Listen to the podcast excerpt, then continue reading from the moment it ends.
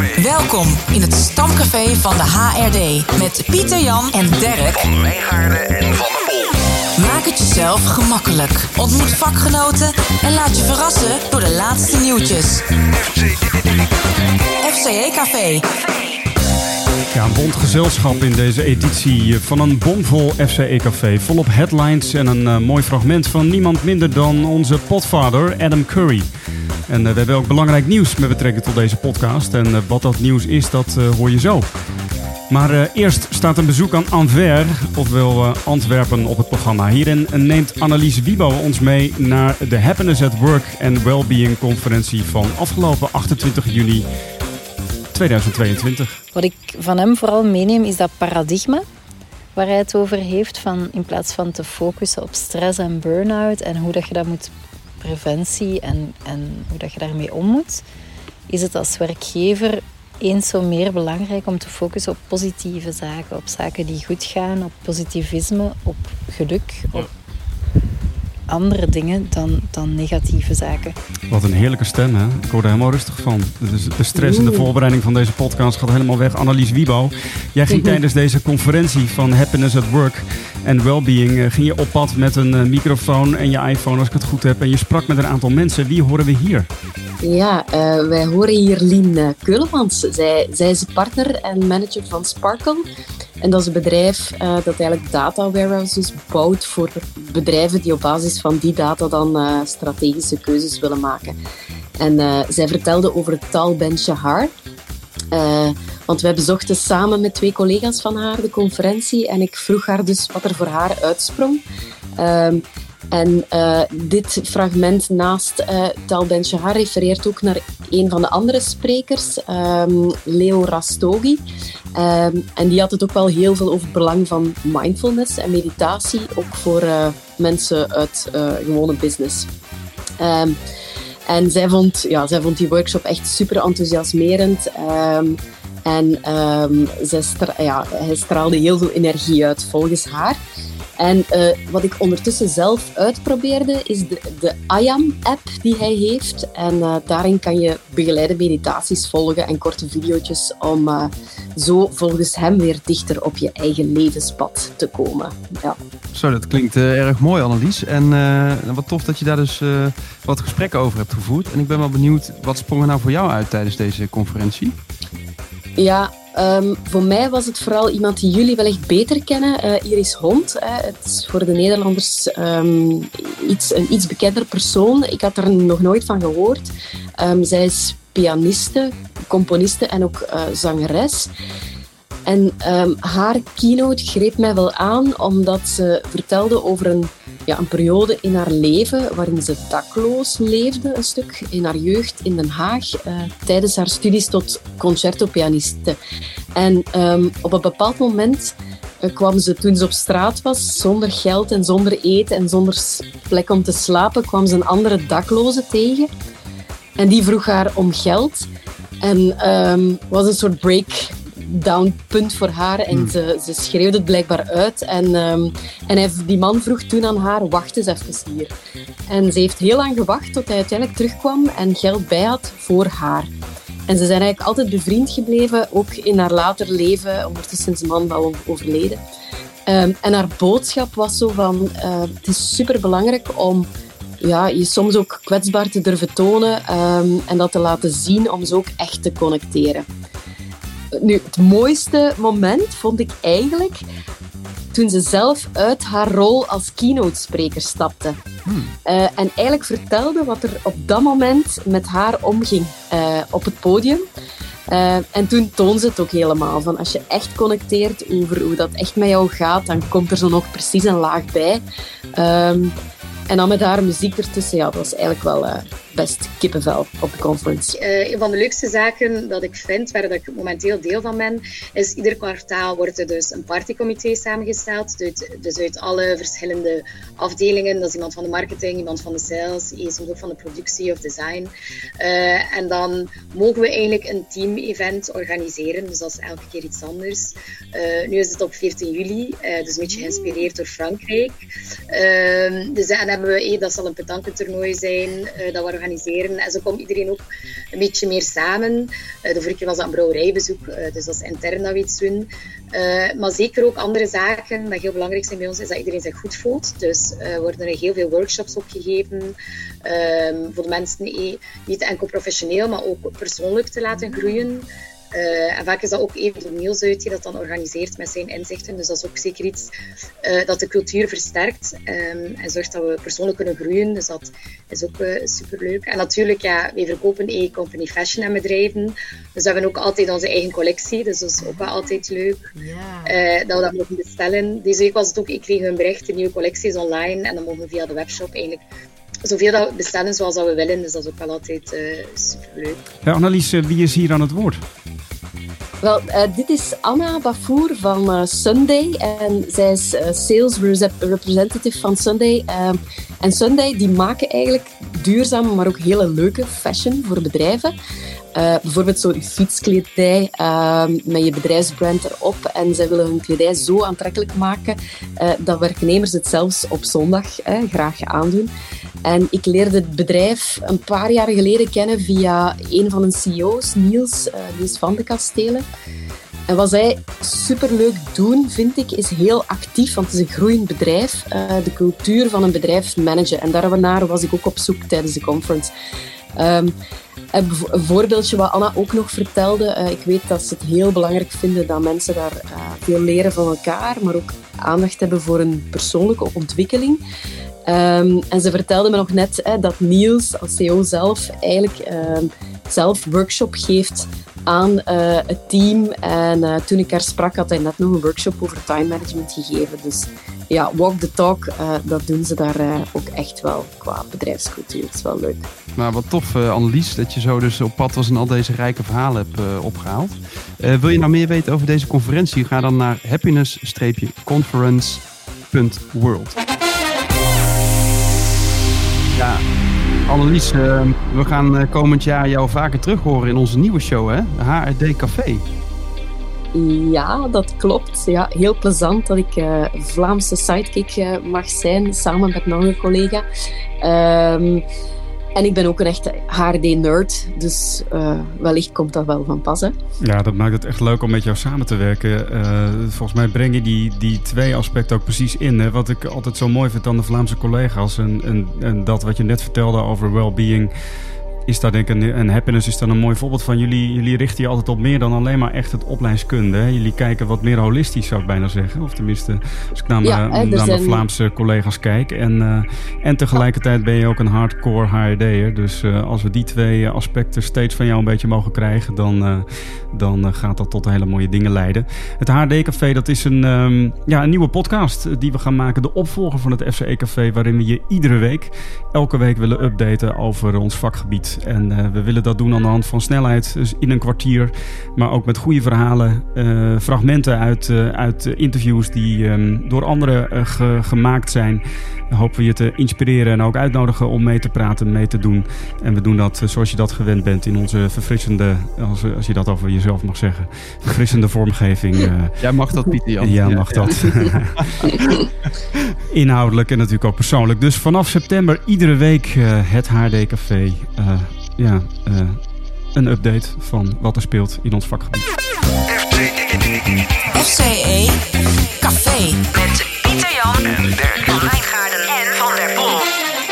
Ja, het is tijd om uh, de HRD headlines in te duiken. En Harmke, jij zit hier ook. Uh, wat, uh, wat, ja, wat speelt er zo al in de headlines van de HRD-wereld? Ja, nou ja, hallo. Ik kan wel een mooi bruggetje slaan gelijk met wat Pieter Jan net aan het vertellen was. Want drie weken geleden is er een, heeft Tier Performance de zevende editie van de Learning Trends Report gepresenteerd. En dat is een report waarin 377 L&D professionals van over de hele wereld, US, UK, Europa, Australië, hun ideeën en inzichten hebben gegeven in en over ons vakgebied. Een leuk feitje daarover is dat 27% van deze respondenten aangaf uh, dat ze podcast als leermiddel willen inzetten dit jaar. En uh, nog maar 7% heeft het dit jaar daadwerkelijk al gedaan. Nou, dus wij mogen uh, ons binnen die 7% bevinden.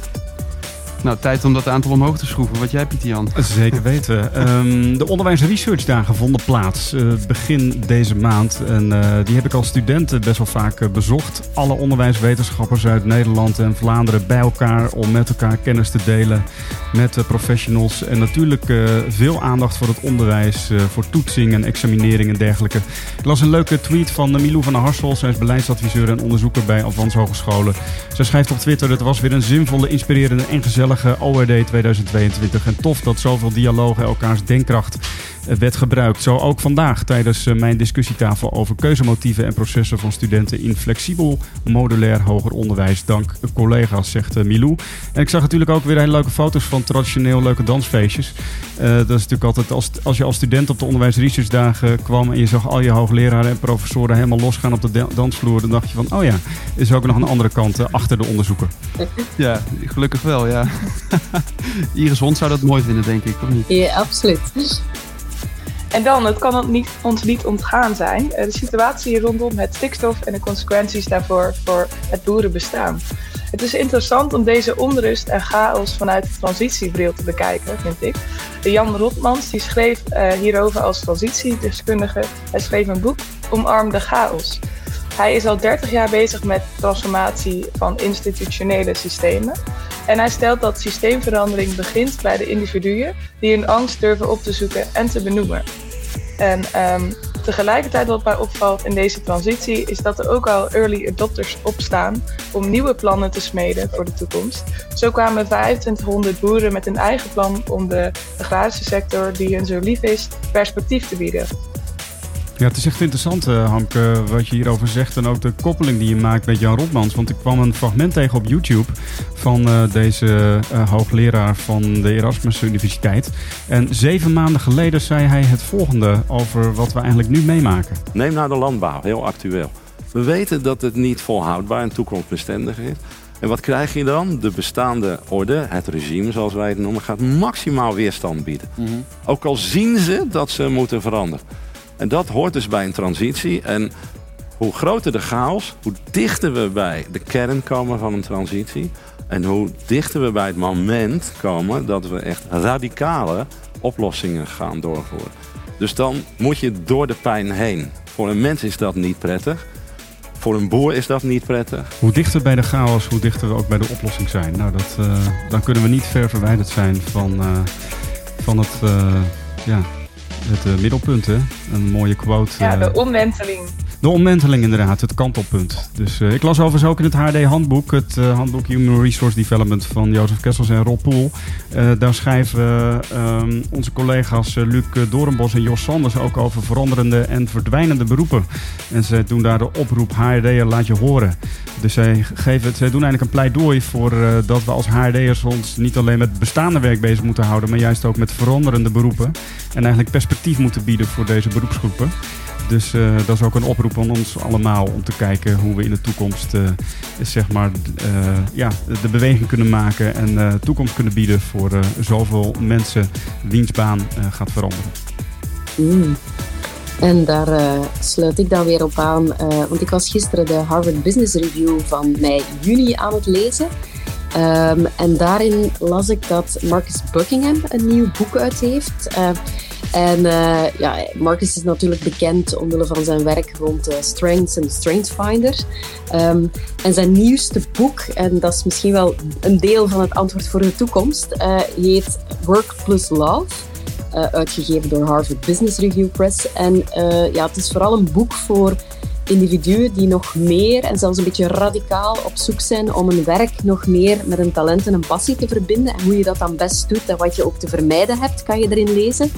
Uh, maar ik denk, het is zeker ook een boek voor HRD'ers uh, die mee willen bouwen aan organisaties waar mensen echt vanuit hun sterktes en zelfs, ze benoemen het ook als pure liefde voor het werk, uh, aan de slag kunnen zijn, omdat dat klaarblijkelijk ook heel effectief is, uh, schrijft hij ook, Marcus. Dus voilà, een leestip voor de zomer.